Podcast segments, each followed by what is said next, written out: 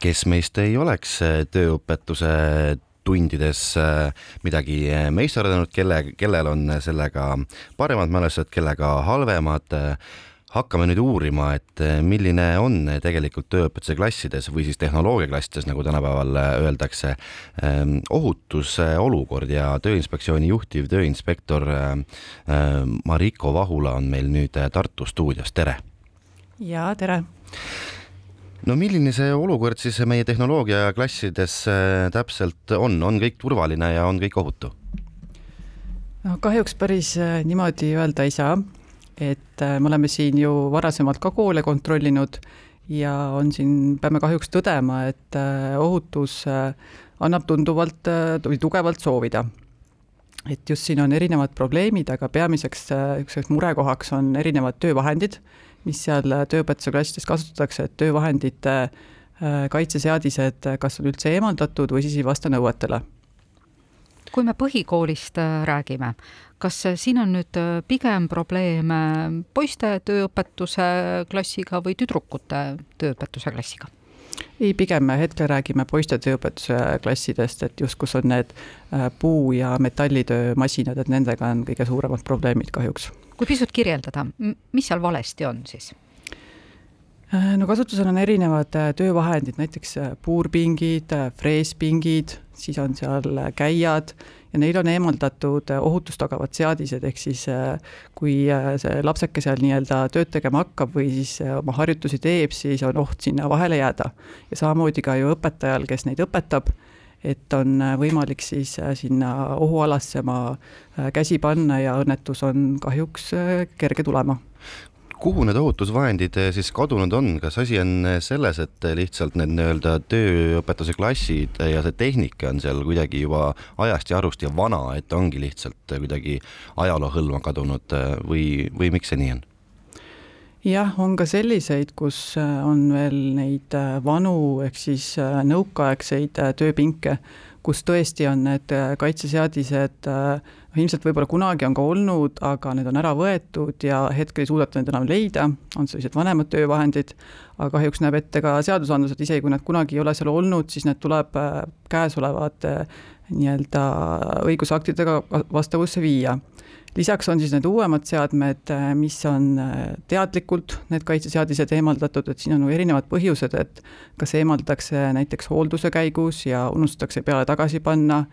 või siis äh, võetakse ära sellepärast, et äh, segab, mis muidugi ei ole iga, mitte ühestki aspektist äh, nii-öelda aktsepteeritav,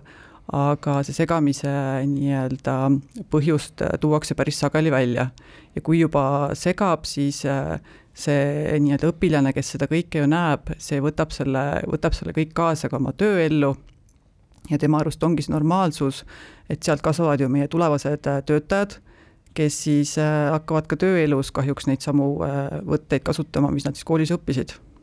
kui nüüd need äh, kaitsevahendid on eemaldanud õpetaja, siis on see ju päris pahatahtlik tegevus jah, võib ka, võib ka nii öelda, et äh, pahatahtlik tegevus, et, et õpetaja peaks ju tegelikult olema see teadlikkus olemas, et, et neid ei tohiks eemaldada, aga kahjuks seda tehakse, jah kui õpetaja ise nüüd näitab mingisuguseid töövõtteid, et ähm, kui tihti juhtub seda, et ei kasutata ei kaitseprille, ei panda kätte kindaid ja muud seesugust? Ja ka see on üks teine levinumaid probleeme lisaks töövahenditele, et äh, sobivaid isikukaitsevahendeid kas ei ole üldse väljastatud või on väljastatud, aga neid ei kanta. Noh, tuuakse välja, et äh, ma korraks ainult ju teen seda operatsiooni, et miks ma pean seda korraks ette panema. Aga ka korraks võib sealt äh, mõni osake silma lennata või, või ka see nii-öelda äh,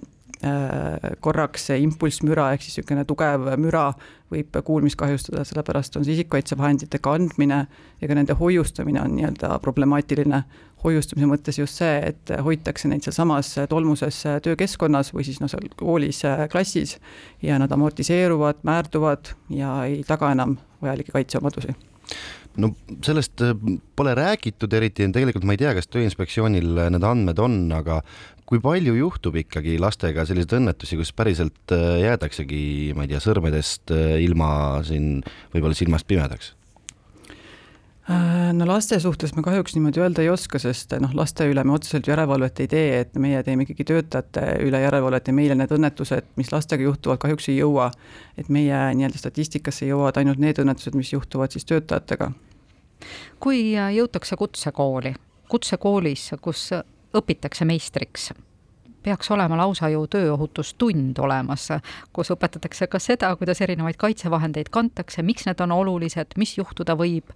Ja ometi minnakse järgmisesse klassiruumi ja seal need kaitsevahendid puuduvad. Jah, kahjuks see nii on, et see paberil elu ja tegelik elu ei lähe kahjuks kokku. et äh, räägitakse küll, aga, aga ikka kas siis unustatakse või äh, või, äh, või lihtsalt ei taheta, segavad, äh, et kahjuks on nii-öelda need äh, põhjused, mis tuuakse välja, jah. kas te näete siin ka suurusjärgu erinevust, kui tihti eksitakse põhikoolides, kui tihti kutsekoolides, kas ühes või koha, teises kohas on, on rohkem sellist kaitsevahendite eemaldamist ähm.? Tegelikult äh, väga erinevust ei ole, noh kui võib-olla rohkem on äh, põhikoolides hetkel vist silma jäänud, aga no eks me nüüd hakkame sihtkontrolli äh, tegema siis juba laiemalt, et siis saame täpsemalt neid tulemusi peegeldada, et hetkekogemus pigem vist kaldub sinna põhikoolide juurde, et kutsekoolides võib-olla on seda teadlikkust juba natukene rohkem, aga kahjuks on ka nendes puudujääk, et ei saa öelda, et seal üldse ei ole no nagu te mainisite, te hakkate nüüd äh, täpsemalt äh, kontrollima kõiki, tegema reide, kui ikkagi on asjad korrast ära, siis mis see kõige hullem nii-öelda karistus on, mida Tööinspektsioon saab äh, määrata? Äh, no kui on ikkagi, äh, tuvastame sealt äh, klassist sellised seadmed ja kui õpetaja sellega parasjagu seal tööd ikkagi teeb ja noh, ütleme, et seadmed, mis on tõesti ohtlikud ja kuhu võib vahele jääda, siis on võimalik ka see töö seal peatada, ehk siis töövahendi kasutamine keelata ja tegelikult on meil õigus alustada ka väärteomenetlusega, ehk siis järgneb ka trahv sellele kas siin on erinevate seadmete puhul või erinevate ähm, isikukaitsevahendite puhul ka ka selles mõttes see raskusaste erinev, et äh, a la jäetakse pähe panemata kõrvaklapid, äh, et äh, mürakaitse oleks tagatud, jäetakse ette panemata prillid või siis on lausa kusagil mm, ma ei tea, terariista juurde minnakse kättpidi, ilma et seal oleks kasutusel kaitsevahendeid. Äh, no ütleme, et selline töövahendite kaitseseadiste eemaldamine on kindlasti suurema raskusega kui isikukaitsevahendite mittekandmine, kuigi isikukaitsevahendite kandmise juures sõltub ka, et noh, mis tööoperatsiooni parasjagu tehakse ja millist isikukaitsevahendit siis ei, ei kanta, et võib-olla see on see müra, kui sa oled seal, kui meie käime kontrollimas, näeme, et võib-olla korraks seda kõrvaklappi ei kasutatud, siis noh, ta võib ju mulle väita, et ma varasemalt kasutasin, et nüüd hetkel unustasin.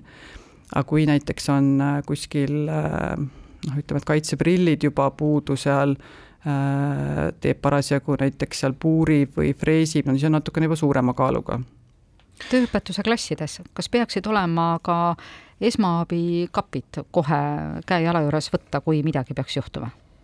Ja kindlasti see on äärmiselt oluline, et oleks esmaabivahendid äh, olemas ja kindlasti, mis on nendes äh, puu- ja metallitöö klassides ka oluline, on äh, silmaloputusdušid või siis on silmaloputusvedelikud. et kui midagi satub silma, et siis saab silma kohe kiirelt operatiivselt ära puhastada. kuidas sellega praeguste vaatluste järgi seisukord on, on need pigem olemas või ikkagi palju puudu?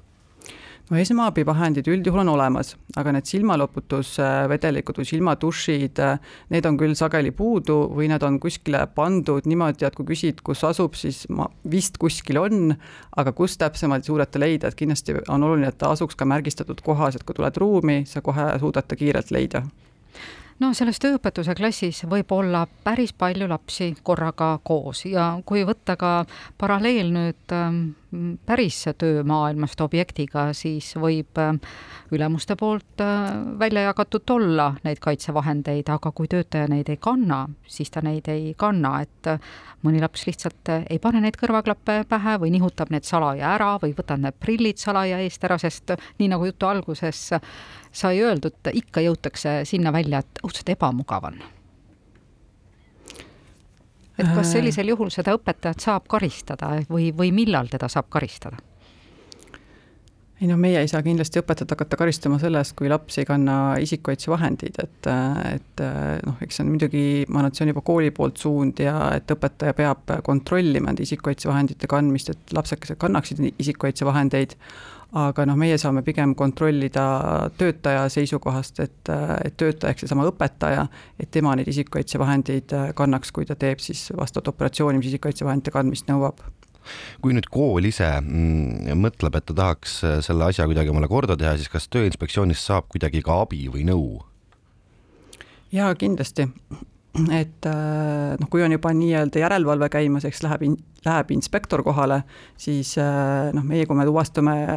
puuduse, siis selle me kirja paneme, aga loomulikult saame ka nõustada samal ajal, aga lisaks on meil olemas ka töökeskkonna konsultandid, kelle poole saab siis noh, kui järelevalve parasjagu poolel ei ole, siis nende poole saab, saab pöörduda ja neid saab ka oma ettevõttesse siis kutsuda ja nõu ja abi saama. aitäh, Tööinspektsiooni juhtiv tööinspektor Mariko Vahula meiega täna rääkimast